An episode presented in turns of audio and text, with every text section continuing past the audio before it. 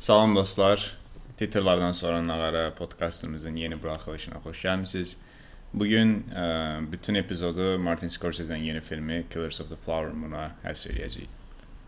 E, bəli, 3 saat 40 dəqiqə təxmini filmdir. Podkastda o qədər olmaz. ki, yəni. Kim soruşdu demək istəyirsən? o, o Sadəcə həmin podkast deyil deyə deyə bilmirsən. Hər şeyin fərqindəyəm. Yanımda oturub belə üzünün sıxdığını görürəm ki, necəsə bir tə kim soruşdu desin. Aa, indi laf çox demək istədim. Nəysə, Scorsese filmi. Bizə sinema. Ha. Scorsese filmini izləmək həqiqətən çox fərqlidir. Yəni adamın ə, Bir daha yaşayan yaxşı rejissor ünvanına layiq olduğunu məncə sübut yaşayan ən elədi. yaxşı Amerikan rejissoru deyək, daha belə şey olsun. Çox da e, Eee, okay. Yəni ola bilər də indi. Düz də ağlıma heç kim gəlmədi daha yaxşı ola biləcək. Əslində biraz Asiyalılar dirəşə bilər. Amma çox fərqli səviyyədir. Sadəcə bir mövzunu başa düşə bilmirəm. Bu tam öz özündə belə yazdıqlarına falan baxdım ki, görüm necə əsaslandırır da bunu. Niyə 4 saat? Yəni düzdür, tam 4 saat deyil film, 4 saata yaxın idi desən. Amma Irishman da elə idi. Özünün hekayənin tam ələ almaq istəyirəm. Ola bilər. Sadəcə özünün ə, belə birbaşa qeydlərində dediyi şey var ki, məsələn, qısa olanda film əslində daha çətindir. Yəni sən məsəl üçün a- atıram da, indi 1 dəqiqə reklam çəkməlisən. Scorsese-dir Mən də ona rejissor. baxdım. Bir dəqiqəlik reklam haqqında danışanda demişdim. Yəni deyir ki, məsələn, o 1 dəqiqə reklamı çəkmək daha çətindir. Çünki sən 1 dəqiqənin içinə hekayəni sıxışdırmalısan. Ya bu onda belə çıxır ki, Scorsese bunu ona görə belə yaya yaya çəkir ki, ə, qısa çəkir. Yəni bu da çox absurddur da. Yəni Scorsese də bu qısa müddətdə də çəkə bilər. Amma niyə məhz? Yoxsa ə, bu attention span məsələsi var. Ya, diqqət müddəti də ki, məsələn, kəsə bir araşdırma oxumuşdum. Ə, Orada qeyd olundu ki, son illərdə, ümumiyyətlə son 10 ildə insanların diqqət aralığı çox azalıb. Kəskin azalıb belə həm də. Yəni biz məsəl üçün fokus olmaq istəyənə fokus ola bilmirik. Gah bildirişlərə baxırıq, TikTokda 2-3 saniyəlik videolar, 7 saat Instagram 15 videoları. saniyəlik TikTok. Baxa bilirik amma necə kinolar 7 deyil. saat dalbadal 15 saniyəlik TikTok Hə, hə, amma Yəni bir şeyə fokuslanırsan da, amma orada bir qısa müddətli bir şeyə fokuslanmaq olur ancaq. Və amma buna bax, bəlkə bununla sırf mübarizə aparmaq üçün Scorsese deyir ki, bəs mən hələ old schoolam da. aparıram. Amma Yüngül belə öz aləmində prinsip aparmış ola bilər. Yəni. amma belə baxanda kinodan 2 saat eləyə bilərdi bu kinonu məsələn. 2 saat olsa Rahat 2 saat eləyə bilərdi. Yəni. 2 saat olsa 2 saat nə bilim. yəni mən buna qarşı deyiləm. 5 saat, 6 saat da çəksə gəl baxaram ona, sonra problem yoxdur. Sadəcə fiziki olaraq çətindir.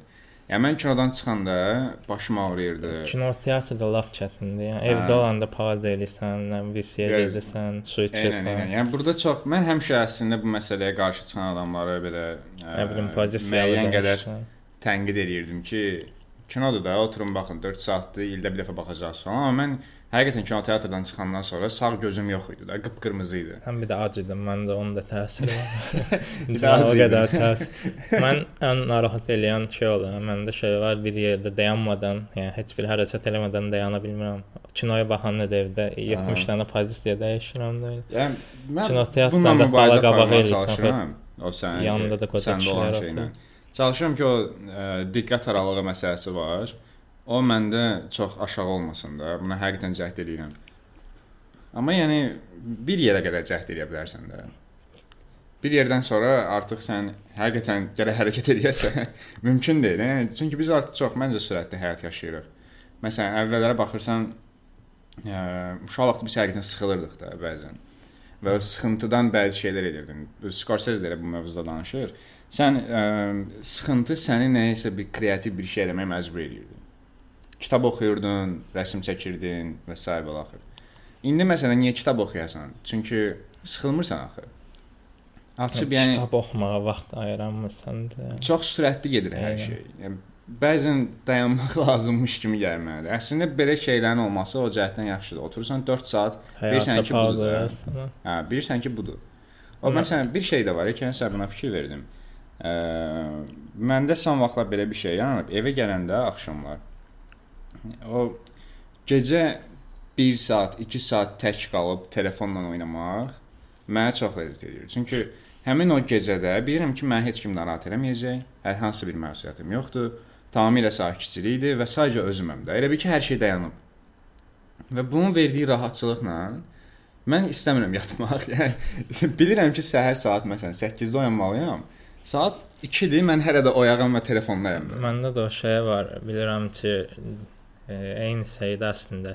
Gecələr gec yatıram çünki e, bilirəm ki, səhər oyananda boş vaxtım olmayacaq və Eynən. boş vaxtım da hal-hazırda və onu Eynən. yataraq sərf eləmək istəmirsən. Və sağlamlığımızı qurban veririk də belə şeylər.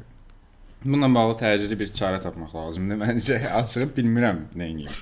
Ə, bilənlər varsa bizlə bölüşsünlər, bizə yazsınlar. Tapmalı olduğu bir şey deyildi. Scorsese-nin, ya bunun yəni, Scorsese 80 yaşı vardı. Böyük ehtimal saat 9-da yatır. Onun amma yaşına baxmayaraq Scorsese-nin bütün intervyularına baxıram mən. Yəni mən xatırlayıram, babamın da 80 yaşı var idi. Ə, yəni 80 yaşında o mənim babamla 80 yaşında Scorsese çox fərqlidir.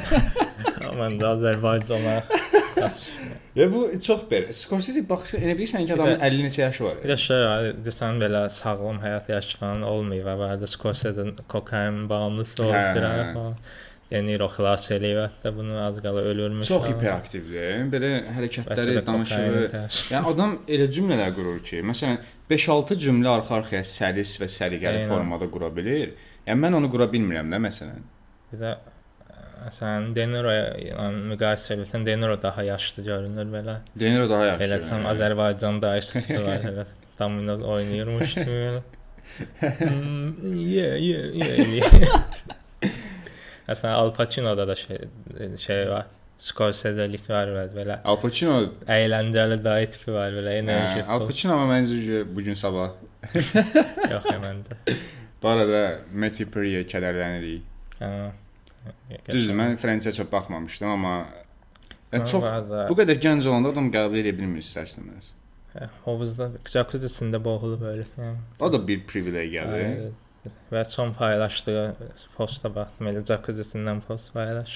Yəni mən onu açığı tanımırdım çünki Fransiya falan da baxmamışam da. Onda nəsə belə mən çünki Google-ladan tapa bilmədim. Onun nəsə narkotika ilə falan əlaqəsi var idi. Ara Fransiyanın çəkildiyi vaxtlarda alkoqolik alkoqolizmlə mübarizə aparıb, yatıb okay. eləyib e, xəstəxanada falan. Sonra yəni, ola bilər ki, amma indi təmizdir deyəsən.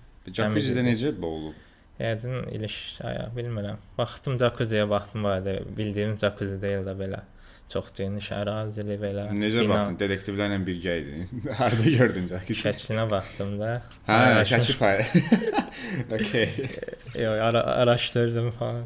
Yəni mən... bəlkə ayaq falan ilişib olur ya hovuzlarda. İndi bilmirəm, onun hovuzunda olmaz yəqin, amma yəni ya da bilmirəm. çox içib yatıb eləyib artıq. Yəni boğul yatıbsansa, boğulanda oyanarsan da. Yəqin nəsə başqa cür bir şey olub və aydın. Yəqin ki, düşüb paylaşıb eləyərlər, bilmirəm. Yəni mən bundan ancaq belə empatiya qura bilirəm ki, təsəvvür et, How I Met Your Mother-dan hansı pers aktyor. Yəni çox pis olardım. Ona görə Friends falanlarını başa düşürəm. Matthew Perry var idi. Friends çox sevmirəm, amma Matthew Perry-ni və Chandler Bing-i çox xoşlayırdım. Sırf ona görə baxmışdım. Çünki həm özü kimidir, yəni əlavə rol oynamır, daha çox özünü oynayır. Məsələn, onsuz da Chandler Bing rolunu Matthew Perry-nin görüb yazmışdılar rolu. Ona görə də çox xoşlayırdım, biraz kədərləndim. Aha. Amma qəşəng like yoxdur. Qayıdaq filmimizə. Ə, film barədə qısaca bir giriş olaraq onu deyə bilərdim ki, mən açıq Scorsese-dən belə bir tərz tam gözləmirdim. Çünki ortada bəzi səhnələr var idi ki, ə, çox spiritual idi. Əslində Scorsese-nin filmlərində və şəxsi həyatında da bu spirituallığa biz rast gəlirik. Onun ə, mən səhv eləmirəmsə, gəncliyində ümumiyyətlə ə, bu katoliklik, rahiblik və s. əlaqələri var idi. İndi tam dəqiq yadımda deyil. Və bununla bağlı onsuz da Scorsese-nin özünün də bir neçə dənə spiritual filmi var. İsa haqqında. İsa haqqında var, Silence var. Silence, Məsələn, Silence məncə çox underrated filmdir. Çox. Amma film. həmin filmləri bir qırağa qoysaq, bu filmdəki spirituallıq çox fərqlidir. Çünki indiyə qədər Scorsese bunu öz ə, inancı ilə və ya bəlkə də şəxsi təcrübəsi ilə göstərirdisə, yəni xristianlıq üzərindən. Bu səfər tamamilə fərqli bir tayfaya, fərqli bir ə, e, dinə, irqə, irqə oradan örnək göstərərək nümayiş etdirir və bu çox fərqlidir. Və məncə bunu da çox yaxşı eləyir. Yəni o ə, həqiqətən oradakılarla empatiya qurmaq olar. Məsələn, mən uşaq vaxtı Pocahontas-a baxanda necə hiss eləmişdimsə, indi burdakı Molly-yə baxanda da eyni hisslər yaşadım yəni. Maraqlı. Hətta yəni böyüklər üçün böyüklər üçün Pocahontas-dır da bu kimi əslində. Maraqlı gəlsə oldu. Ada kino haqqında ilk məlumat verək yoxsa? Nə məlumat? Yəni kino nə haqqındadır falan. Mən məsələn İranda çox araşdırmamışdım. Ah, okay, buyur. Mən verim, okay, hə. Deməli Amerikada yaşayan Hindu tayfaları 1900-lərin 1900-cü illərdə 1-ci Dünya müharibəsindən sonra Osage edən Osage Aha. tayfası deyə bir Hindu tayfası var. Bunlar neft kəşf edəndən sonra çox torpaqlarında neft çıxandan sonra çox varlanırlar. Bu da e, tarix boyu şahid olduğumuz üçün ağların diqqətini cəlb edir və ağlar bir növ evliliklə diplomatiya e, evlilik diplomatiyası ilə bunların mülkünü ələ keçirmək üçün bir sıra qətllər yaşanır və heç kim tərəfindən araşdırılmır, e, Aha. dibinə baxılmır falan. Bu da həmin hadisələrin bir qismi haqqındadır. Yəni belə real təkcə hadisələrdir. Hamısı. Məsələn, bu filmin sinopsisini oxuyanda ə, birinci ağlına adamın thriller gələr, kriminal gələr ki, hə, okay, biz indi oturub thriller bir filmə baxacağıq. Amma bu kinoya baxanda Scorsese-nin perspektivi onda yaxşıdır ki, burada nə ağ var, nə qara var. Yəni demək olar ki, bütün personajlar bozdu. Biz bir neçə podkastımızda bu məsələni müzakirə etmişik, hansı ki, rejissorlar izləyicinin tupo yerinə qoymurlar. Və Scorsese həqiqətən izləyicisini tupo yerinə qoymur. Çünki ə, məsələn bəzi rejissorlar var ki, kinonun içində tam bəlli eləməyə çalışırlar ki, bu personaj qaradır. Yəni ki, evildir, pisdir, ə, hamı bunu nifrət eləməlidir.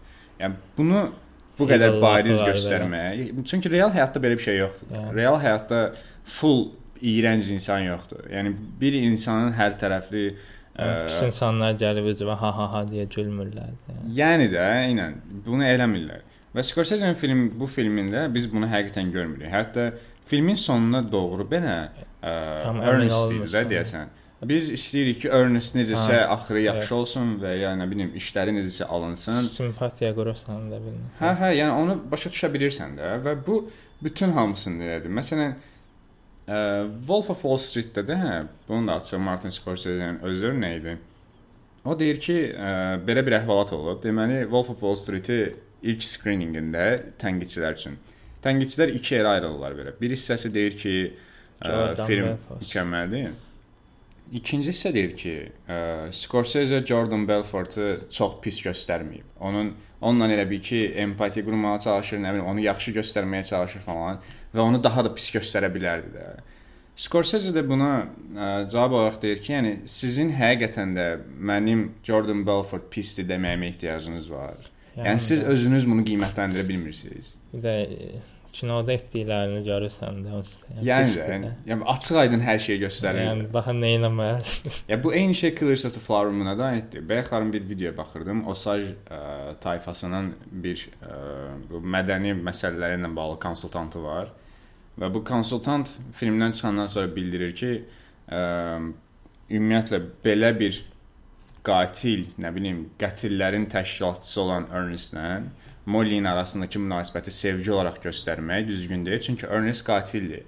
Molly onu necə bəyənə bilər? Siz niyə o saç tayfalarını ə, belə göstərməyə çalışırsınız və s. və axır. Sevə bilər. Niyə yox? Yəni Niyə biz bunu görürük axı normal həyatımızda da. Yəni güya yoxdur ki, Azərbaycanda da belə ailələr, hansı ki, yəni ə, kişi demək olar ki, qadına zülm eləyir hər cürə qohumları ilə münasibətlərdə və s. Qadın amma onun yerində sevir. Yəni bu ə, bu emosiyalar, yaşayışlar, insan həyatları falan çox mürəkkəbdir və biz bunu o qədər 2D görməyə öyrəşmişik ki. Yəni insanlar fərqli bir perspektiv görəndə ə, çox təəccüb içində reaksiya verirlər. Məsələn, ayrıca bu filmdə də ə, ən sonda Molly Ernestlə bağlı axırıncı qərarını Ernest'in o halında deyir ki, o etiraf eləmir ki, Molly-ni öldürməyə cəhd edirdi. Yəni bəlkə də Ernest full açıq olsaydı, səhvlərin hamısını desəydi, Molly onu bağışlayacaqdı. Və əslində biz yenə, daha doğrusu mən yenə deməyə çalışmıram ki, burada Ernest'i mütləq bağışlamaq lazımdır. Amma kimsə Ernest-i bağışlaya da bilərdi yəni. Yəni, Çünki Ernest bağışlamaq qərarını biz vermirik də, yəni. yəni Ernest çox axmaqdır. Prosta baxırıq. da. Bu çox aydındır. Bir dənə əsər var, adı yadımdan çıxdı. Adı ingiliscə Banality of Evil-dır. Yəni ki, ə, evil-in tam tərcüməsi alınma gəlmədi. Pis. Şeytan, zalim, cani. Can, hə, cani qəşəng oldu, qəşəng. Caninin ə, banallığı deyə tərcümə etmək olar. Bu kitab nə haqqındadır? Deməli, bu kitab Yahudilərə qarşı ə, soyqırımda iştirak etmiş bir Alman faşist generalına bağlıdır. Düzdür, adı tam yadımda deyil bu dəqiqə. Və onunla bağlı Nürnberg məhkəmələrində yazıçı fərqinə varır ki, bu cani həqiqətən banaldır. Yəni bu sistematik bir şey deyil də ki, ə, mən evilam, mən pisəm, mən bütün yahudiləri qıracağam. Orada baxırlar ki, bu adam əslində açıqlığı belə professor tipdə bir adamdır, səri-qəri geyimdə, rahat danışan, bütün dediklərini etiraf edən, nə bilim, yəni belə normalda oturub stolda söhbət eləsən görəcəksən ki, bu şirin, nə şirin daydaydı bu. Amma eyni zamanda da bu adam yüzlərlə yahudini qırıb da, yəni. Şey var idi, Zerider kinosu var idi. Aha. Elə sən deyən bir oxşar tema işləyir əslində. Hı. E, qadın olur orada, belə savadsız olur əslində orada qadın amma onu keçmişdən tanıyan bir oğlan olur, amma onun bilə ki, yaxşı insandır, əslində kitab oxumağı sevir falan, amma e, məsuliyyətli olur və nə bilim belə e, yahudiləri öldürmək temalı, nə isə də belə bir temalar var. Yəni İstəyən baxa bilər. Şey oynayır özdə. Kate Winslet. A, bilirəm o kino. Hə. Bilirəm. Bəzi səhnələrini görmüşdüm. Ə, Robert De Niro'nun personajı da məsələn mənim dediyim kimidir. Məsələn, Robert De Niro'nun personajı personajı məncə həqiqətən Kino- ürəkdən o saç tayfanı bəyənir. kinonun bir yerinə qədər hətta tam nifrət eləmirsən çünki Hə, hə. Çox- məncə Hətta ən həqiqətən bəyənir o, sevir o saç tayfalarını. Yəni sonuna qədər belə sevir. Ola bil- sadəcə çox mürəkkəb personajdır. Yəni o özü ə, məsələn elədiklərinin Məncə həqiqətən De yaxşı olduğunu fikirləşir. Yəni Azərbaycanda belə insanlar çoxdur var. Ya. Məsələn, adicə ə, bu ömrümüzə oturan Vorzakon mədəniyyətinə baxanda da görürük ki, ə, mədəniyyətini özü. Onlara baxanda belə görürük ki, yəni oradakı insanların əksəriyyəti elədiklərinin yaxşı olduğunu fikirləşir. Yəni var biz olmasaq kim eləyəcək bunu tipdə falan şeylər. Mən də Deniron tam o deyil, biraz daha çox yəni ad gözlük, tamaşaçılıq. O da var, düzdür. Amma məsələn orada bir Yaxşı səhnə var ya. tərəfləri- Ha, bir iki yaxşı tərəf var əslində. Məsələn, dərman gətirib eləyir, Hə, hə. yollar hamıya- çəkir, xəstəxanalar qurur. da icmaya inteqrasiya edir də. Oradakı ağ icmasına o sacları inteqrasiya edir. Və sən bilmirəm fikir verdiyin yoxsa yox, orada o sacların ümumiyyətlə baş verənləri tam ə, başa Qavramaz. düşməməsi şeyi də var. Yəni bu adamlar buna şahid olmayıblar. Pul nə deməkdir tam aydın deyil də. Məsələn, sən gedirsən ona deyirsən ki, bu stəkan sən burada məsəl üçün su içdin. Bu 1 manatdır da normalda. 1 manat deyirsən verir. Sonra 5 manat deyirsən 5-i də verir. Sonra 50 manat deyirsən, o 50 manatı da verir sənə. Və sən artıq başlayırsan onu Dolan ə, exploit eləməyə də ki, filan 50 manatdır ver. Və biz bunu güya eləmirik Azərbaycanlılar ərəb turistlərə qarşı, taksi sürücülərə və s. Bizim indi burada nə qədər dilənməyən də bu düzgündür yoxsa Taksi yox. sürücüsü referans elədin sən. İndi məsələn bu düzgün ə, bir hərəkətdir yoxsa ə, buna necə qərar verəcək? Deyil, amma Etik olaraq təbii ki, deyil. Səsdə yəni legaldır, legal. Yəni legal Yəni, hüquqidir əslində müəyyən Verdiyi qədər. nümunələr legaldır. Bilmirəm, legaldır. Yəni sürücü Yəni neçə pulu verir də, öz istəyinlə verir də əslində. Deyir 50 ver, verir də. Yəni o o 50 manatı da rahat verə bilər də əslində. Yəni Yəni ona görə də bu kinoya baxanda ə, hər hansı bir tərəf tutmağa cəhd eləmək, hansı tərəf pisdir, hansı tərəf yaxşıdır. Təbii ki, açıq-aydın qiymətləndirəndə bir tərəf var ki, o cəza almalıdır. Burada e, bu heç ümumiyyətlə müzakirə mövzusu deyil, çünki insan qətli var burada. kino daha çox kimin cəza almalı olduğuna görə olduğunu yox, cəza alanların düzgün cəza almamasını daha çox tənqid edir elə. Tamamilə razıyam. Yəni kinonun ümumi məsələsi əslində White privilege. Aha, privilege. bu sırf bu privilegiyalarla, bu üstünlüklərlə bağlıdır. Və bunun əslində necə də belə ə, yəni necə deyirlər, polit eləmədən edilməsindən bağlıdır. Yəni çünki həqiqətən bəzi hərəkətlər var ki, insanlar onları elədiklərinin tam olaraq fərqində deyillər. Kinonun başlanğıcı var idi məsələn, sırf Goodfellas-dan Goodfellas, Godfather qarışıq bir səhnə ilə başlayır belə sırayla bir-biri öldürürlər hamı. Hə. Tak tak tak. Hə. Araşdırılmadı, bağlandı. Nə bilim, Hə. intihar kimi göstərildi falan. O çox mükəmməl idi əslində. Yaşayan başladı. Hətta kinoda çox Goodfellas Çox Goodfellas vibe var, hə. Bir yerdə özü Godfather, De Niro'dan Marlon Brando performansı gəlir belə. Aha. Biz tam çox manipulativ idi halsa. Həyatımda o qədər manipulativ.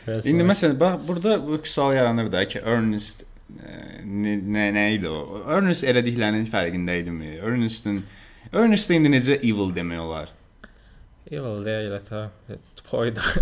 yəni də. Arada bir e, review gördüm. Bizimkilərdən biri əsəbləşmişdi buna kinoda. Personaj çox axmaqdır. Wow. 3 saat yarım bizə axmaq personaj Mövqe izlədi. qoyub. Yox, e, yazmışlar ki, bəs kinonun pis olmasını personajın axmaqlığı təyin eləmir falan. nə olsun deyə axmaq. Yox, yəni adam ol, elə olub da. Bir də mənim gözlədiyimdən daha çox gülməli idi kino. Hə? Mənim gözlədiyimdən daha çox gülməli idi. Hə. Yəni mən belə güləcəyimi gözləmirdim də. Hə. Həqiqətən güldüm. Yəni komediya filmi imiş kimi bir çox şeydə Özü ən güldüm. başda o De Niro ilə DiCaprio-nun Dialoqu var ya, mükəmməl. Ə, performanslar özü mükəmməl idi. Yəni Leonardo DiCaprio konkret DiCaprio. Mən-. Mən onun çox egoist olduğunu fikirləşirdim. Ki, məsələn, De Niro bilirəm ki, egoist aktyor deyil. O olduğu səhnələrdə həmişə ə, Hamını başqasına qaldırır. hə, hə, başqasına Assist səhnə eləyir. yaratmağı yarat eləyə bilir də. Onun elə bir egosu Assist eləyir. Hə. Assist edir, hə. DiCaprio-da mən fikirləşirdim ki, çox egoistdir. Çünki DiCaprio-nun özündə biraz belə qəribə bir vibe var axı bir insan olaraq da. Məsələn, 25 yaşdan nəysə bu söhbətə girməyək. Amma bu filmdə mən hiss etdim ki, DiCaprio elə bir rolunun əslində o qədər də güclü olmadığının fərqindədir. DiCaprio adətən şey eləyir amma digərlərinə də imkan yaradır. Məsələn, e, Wolf of Wall Street-də Margot Robbie şillə vurma səhnəsi var idi. Həqiqətən şillə vurub falan deyə belə hekayələr var. Amma məsələn orada o fərqindədir ki, baş roldur da. Vol şey Onlar DiCaprio-nun özü. DiCaprio da oradan baş rol olmadı. Burada filmdə. məsələn baş roldur, amma yəni ən yaxşı aktyor deyil. Daha doğrusu ən yaxşı performans onda deyil. Eynən. Ki məncə Lily Gladstone-dadır Morning Bir canlanan. yəqin ki, Oscar alacaq var idi. Yenə. Hmm, həm iri Şey var amma bilmək olmaz. Joaquin Phoenix. e, Napoleon da şey, gəlir. Aktrisanı deyirəm. Hə, Lily Gladstone 100% Hı, Oscar almalıdır. Çünki bir qolara. yəni mən onu ə, ilk gördüyüm səhnədən tutuldum ona və onun olduğu hər səhnədə sadəcə diqqətim onda idi da. Ondan Hə. gözlərimi ayıra bilmirdim. Yəni tədbir uzandığı səhnələr var idi. Xəstə Aha. kimi orada belə Yəni o necə rol aparır? görsən nə edəcək deyə gözləyirsən də Hmm. son saniyəyə qədər. Özü də personajın özündə bir müəyyən bir çəkiciliyi var. Çünki ə, ağ bir adamla həqiqətən onu sevərək bir münasibət yaşayır. Və bu arada məncə hər ikisinin sevgisi bir-birinə real idi. Ə, Məncə də. Ernest sadəcə sevgisinin manipulyasiyaya müəyyən qədər qurban verməli oldu. Ə, Hə, Molly onu həqiqətən sevir, aralarında maraqlı bir münasibət var və eyni zamanda Ernest Molly-nin qohumlarını, ətrafındakı eyni irqin nümayəndələrini öldürür. Hissə isə yavaş-yavaş Molly-ni də öldürür. Ona görə də hər dəfə mən gözləyirdim ki, Molly buna necə reaksiya verəcək.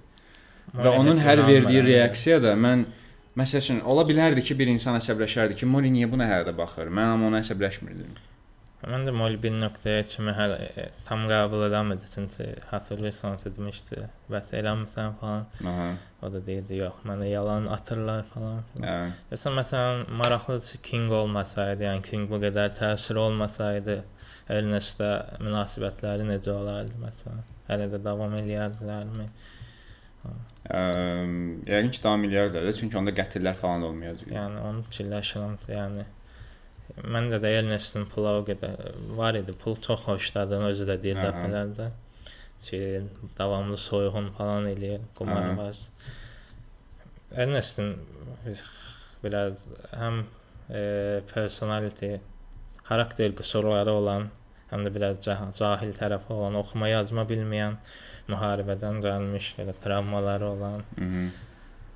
Öldürməyə alışmış adam. Həm də bunu biraz təhlil edəndə o dövrdə fikirləşmək lazımdır. Yəni indiki etikada, əxlaq standartları ilə Ha, 100%. fikirləşəndə çox 100%. İn- Çünki o vaxtda həqiqətən o- ağ olmayanlara insan kimi baxılmayan dövrlərdən danışırıq. Nisbiliyi nəzərə almaq lazımdır. Yəni. Yəni Çox, yəni indiki Yəni dövrün standartlarla biz onlara şey səhnədə oğlan deyirsən nəsə deyir o da deyir sən mənə hindi demək istəyirsən deyə əsəbləşsən arvadı hindidir hal- halbuki yəni O da çox qəribədir məsələn. Rahat evlənə bilirlər. Amma yenə də bir sistematik bir Hə, var onlara qarşı. uşaqları falan məsələn fikirlərdin Hə. danışırıq o, o daha çox ağ oxşuyur falan. Hə, yəni Ona baxanda bilinmir belə oldu deyə.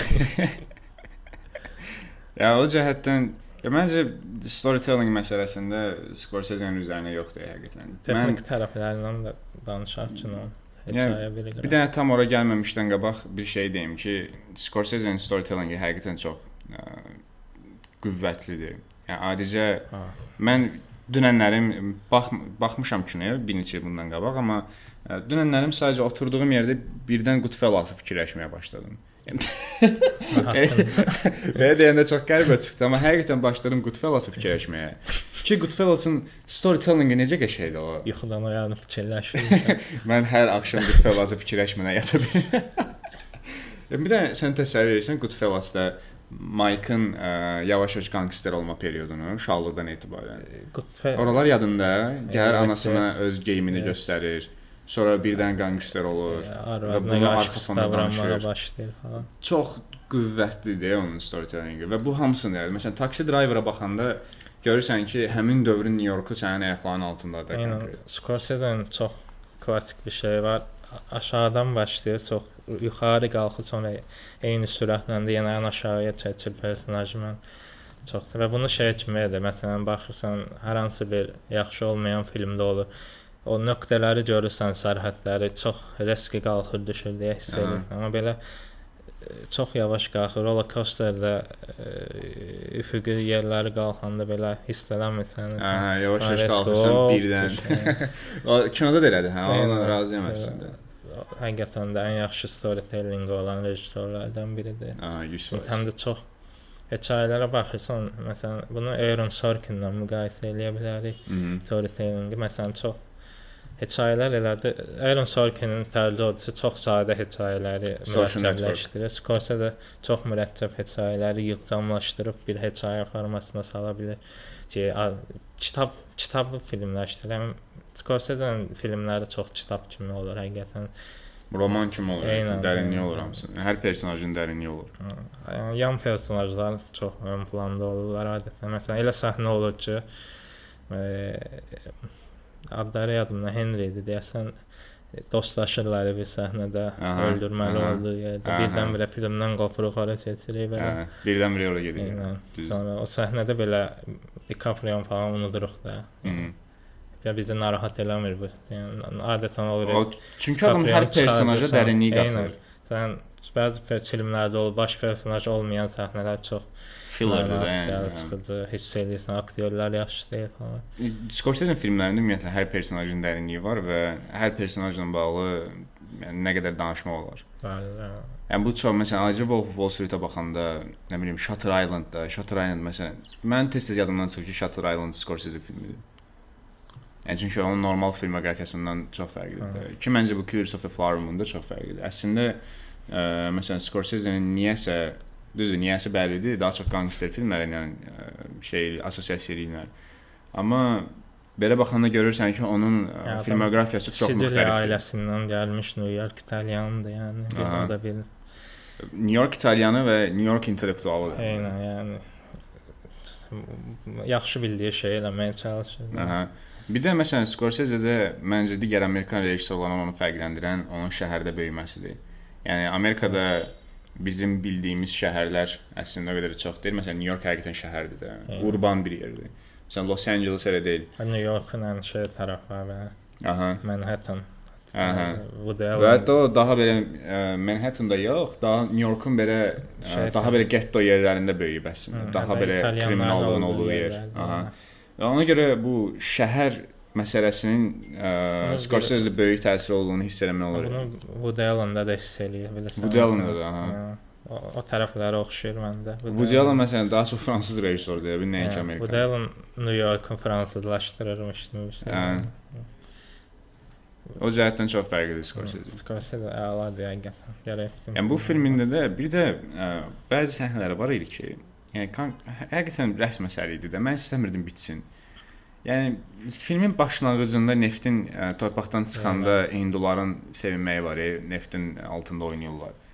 Ə, bildin ha, slow motion. Bildim, yes. Sonra ə, Molly'nin anası öləndə anasının ə, Hə, hinduları aynen. görməyi, tarixi hinduları Xəyal görməyi. girir. Ə, sonra bayquşun otağa daxil O. olması, ə, evin partlayış səhnəsi. Scorsese də CGI nəsə görməkdə maraqlıdır. Hə. Bayquş. o evin partlayış səhnəsini, acaba evin partlayış səhnəsini qoyaq qırağa. Filmin ən əvvəllərində ə, Ernest'in qatardan düşdüyü hissə var. Biz Ernest'i Ha. ə, qatardan düşəndə dəmir yolu stansiyasında gedib necəsə Henry'ni tapmaq istədiyini görürük. Ha. Ə, Və orada nə qədər adam ətrafda məsələn deyir filan şirkətin əməkdaşları bura gəlsin. ə, Bir tərəfdə dalaşanlar var. Davada özü də girir davaya. varlı hinduları göstərir. Sonra şəhər həyatına gəlsən, Ernest Uce ə, taksi sürücüsü olmağa başlayıb. Şəhər həyatına baxırsan, orada insanlar maşın yarışlarına baxırlar.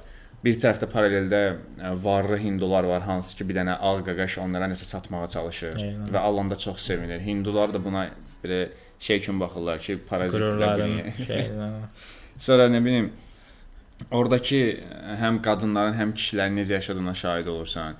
Şəhərdən çıxır və şəhərdəki o oğlanların necə kriminal şeylərə daxil olduğunu görürsən. Sonra qumarxana səhnələri. Ah, şəhərin ətrafında o ə, meşəlikdə bir dənə şey var idi.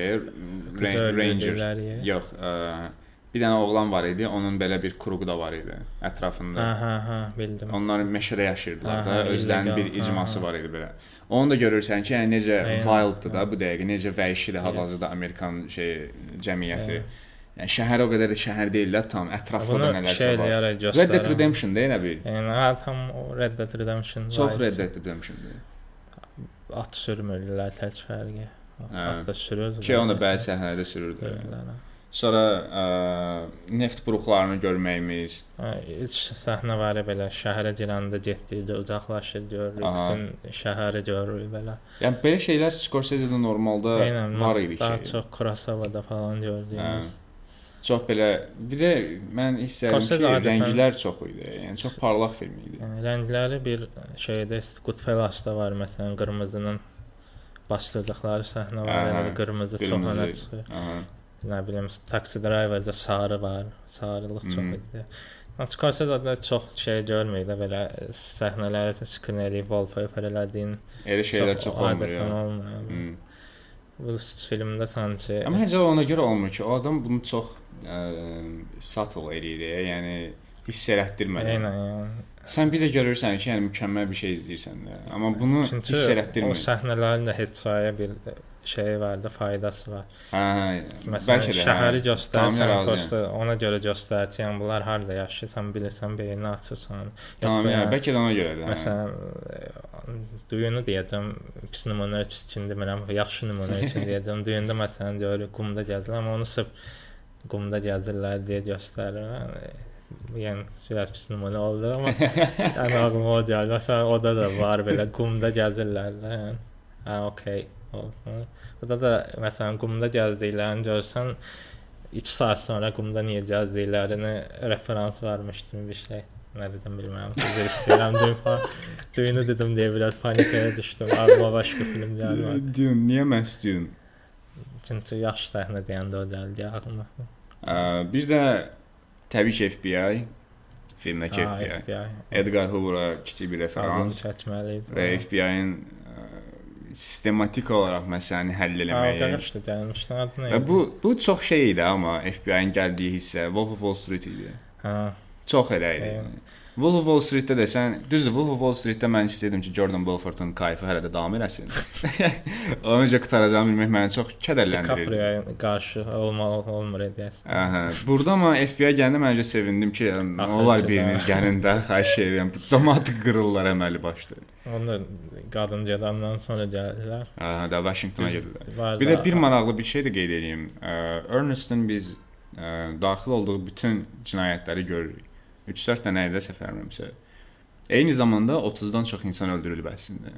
Yəni bu filmdəki yeganə qatil və ya qətillərin təşkilatçısı Ernest deyil. Kingin çox böyük bir Çoxdur, var. networkingi var.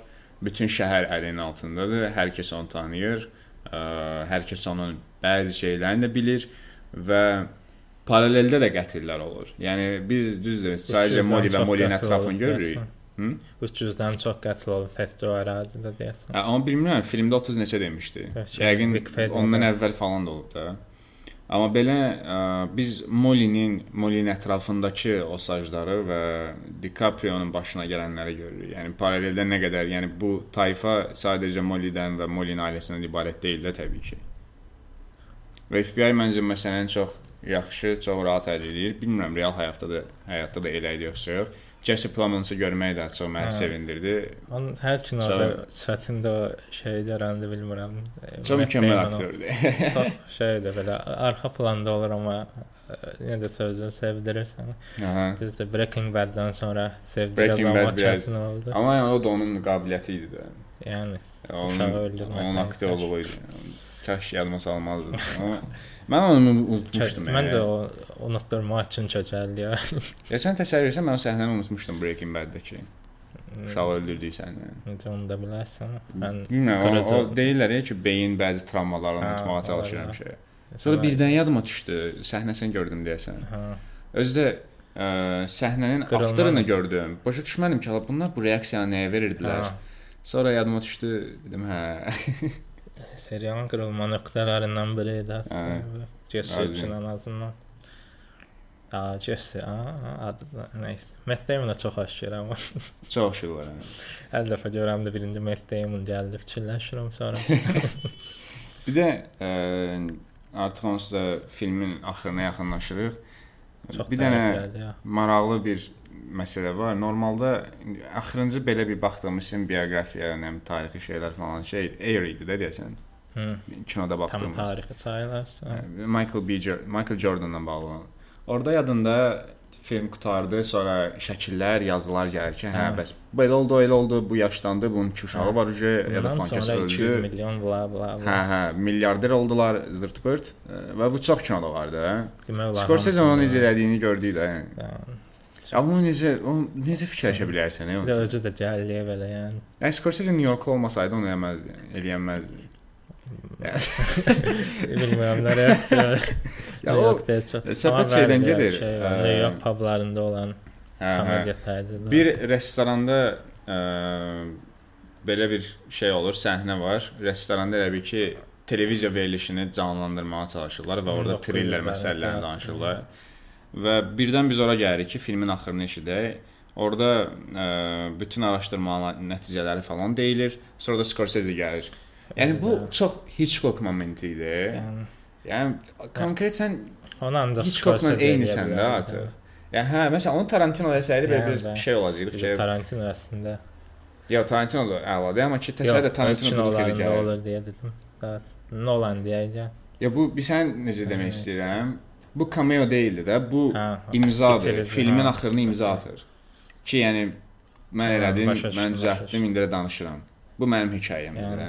Mən mənimdir də bu film. Tarantino da məsələn elə deyil. Tarantino random bir aktyordur da, bütün hə. Hitchcock da məsələn o var idi ki, çıxıb imza atırdı həqiqətən. Hə, olar. Və bu yəni mükəmməl idi də. Mən filmə onsuz da Letterboxd-da 5 ulduz verdim. Hər hansı bir problem olmadı kino ilə bağlı. 4.5 verdim amma Şəxsən də çox bəyəndim. 4.5 verdim amma ə, 0.5-i sadəcə şəxsi səbəblər. Şəxsinə. Mən, yəni mən 5-i ə, kinonu dəyərləndirmək üçün vermirəm də adətən özüm üçün dəyərləndirirəm. Hə. Müqayisə edirəm. E, düzdür, məndə də elədir, amma mənim üçün okeydir. Məsələn daha 5-dir mənim üçün məsələn. Okay. İkisinə də nə bilim ayrışma. Bilmirəm, bir də bir şey də deyim. bəlkə də yeni bir şeydir. Nəysə. Bu şəxsi dediyin nə yadıma düşdü? Əvvəllər ümumiyyətlə bu ə, irqçiliklə bağlı filmlərdə mən belə şey olurdum da uşaq vaxtı. Özümü ağlarla daha çox assosiasiya edirdim. Necə deyim? Məsələn, Hindularla bağlı film və ya animasiyadır. Mən heç vaxt Hinduların e, gözündən Yəni. baxa bilmirdim. Ağların gözü ilə baxırdım. Amma zaman keçdikcə yəni onlar onların gözündən baxmaq mənə daha komforting gəlir.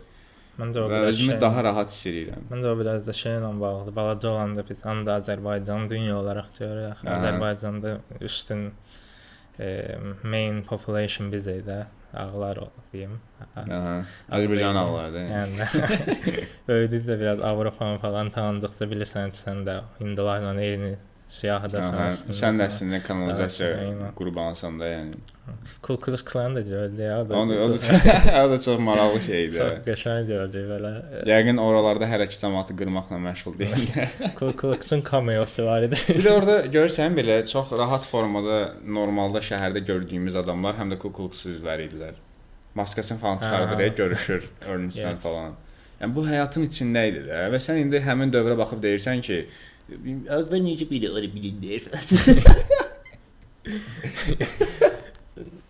Qardaş birincisi ağları bu qədər üstün eləmək heç sevmirəm belə təbii. İnsellər falan. O, o vaxt Roma Oscar almışdı. Hə. Bir neçə il əvvəl nə qədər insel şey də alanda hələ Moonlight alanda da Hə. qırğın idi rez internetdə. Görək. Kədərlənirik. Növbəti filmlərdə Napoleonu gözləyirik hələ ki. Aha. Napoleonu gözləyirik. Bir də yəni bir şey də deyim. Napoleon Ceyolay səndə yoxsa? Yox. Ə, Napoleonla bağlı bir dənə narahatçılığım var, onu deyəcəydim elə. Joaquin Phoenix yaşlı deyil abi biraz. Nədir? Yaşlı. Napoleon üçün Hə. Yəni imperator olanda Joaquin Phoenix ola bilərdi, amma məsələn gənc general, gənc general deyirik, gənc zabit olduğu hissələr var Napoleonun. Oralarda Joaquin Phoenixin üzü konkret qırışdı da. Yəni Napoleon elə biri deyildi. Napoleon Neçə karizmatik. Nə? Neçə yaşı olub? Kimin? Napoleon Hansı imperator olanda 1800 Bilmirəm, yəqin ki, müəyyən qədər yaşlı olardı da, həmin periodda. Amma yəni imperator bunun gənc zabit olduğu period da var da. Bəli. Korsikalı cavan oğlan. Mən belə dedim ala. Cənab treylerlərə. belə. Nə? Treylerlərinə baxmadım əslində çox. Ya mən baxmışam, yəni ümid edirəm necəsə cover eləyərlər də bunu, bilmirəm necə. Texnologiya dövründəyik. Bu qədər. Əlavə nəsə Curiosity of Harmon-dan bağlı bir qeydin var, yoxsa Yox, mən ümid eləyirəm Scorsese-nin ölmədən daha çox kinosunu görərik. hmm, bəli. Niyə həmişə belə qaf buraxırıq da kiminsə ölməklə bağlı? Adam gün ölməkdən danışır, mən də. Yox, yəni Scorsese ondan sonra belə deyək. də, Biz heç vaxt bu məsələdə siyasi ola bilmirik də ki, Scorsese ümid edirik daha çox onun filmlərini Yəni görmək. daha çox elə, olar. Hə də yəni- ölmədən çox sadələşdirilmiş yer mövzunu. Bax, Hə, də Perry- bu bizim şeyimiz də özümüzü hazırlayırıq ki, kop eləyə bilək. ola bilər hə. Mən hər gün ölümü fikirləşirəm. Yəni mən də həmçinin belə qutarmayaq. Mən də Memento mori deyərək. tərəf eləyə. Ev e, Napoleon 1.69 boyu olub. Ha ha ha. 1.69 bu da kifayət qədər. Napoleon o hündürdür qədər karizmatik olmayıb amma sən də karizmatik dedin. Yəni şəkillərinə bax hamısı belə. Napoleonun- Gozbel, O elə deyil də. Napoleonun balaca boy olması mifdir. balaca boy olmasını demirəm. Qozbel olması Qozbel deyil. Yəni belə əzilmiş bul- bulya olunan uşaq tipi var. normalda elə deyildi də. O şeydən qayıdandan sonra olur. Yox mən. Ha, adam- 1804-dən danışıram. Alp dağlarını keçirir. Moskvaya qədər gedir çıxır. Orada loxlanıb qayıdır. Təsəvvür adadan qaçır, deyəsən Elbaydı. Adadan qaçır, öz əsgərləri ilə gedir Parisə. Parisdə bunun qabağına ordu çıxır. Parisdə bunun qabağına ordu çıxır və orduya qayıdır deyir ki, Waterloo. Məni kim Ağla. öldürə bilər də burada. Və onlar da buna qoşulurlar. Düzdür, daha yaxşı poetik bir şey demişdi, yadımdan çıxdı. Çox Şey mənasız oldu. Vici. Ha, belə tamam qarışdırır şey. Nəsə də edə biləcəyim bir şey yoxdur. Hə, necə dedim hə? Bizi izlədiyiniz üçün çox sağ olun. Növbəti İzləmədinizsə edəcəyim şey yox. dinlədiyiniz üçün daha doğrusu. Növbəti buraxılışda görüşənədək hələlik. Bye.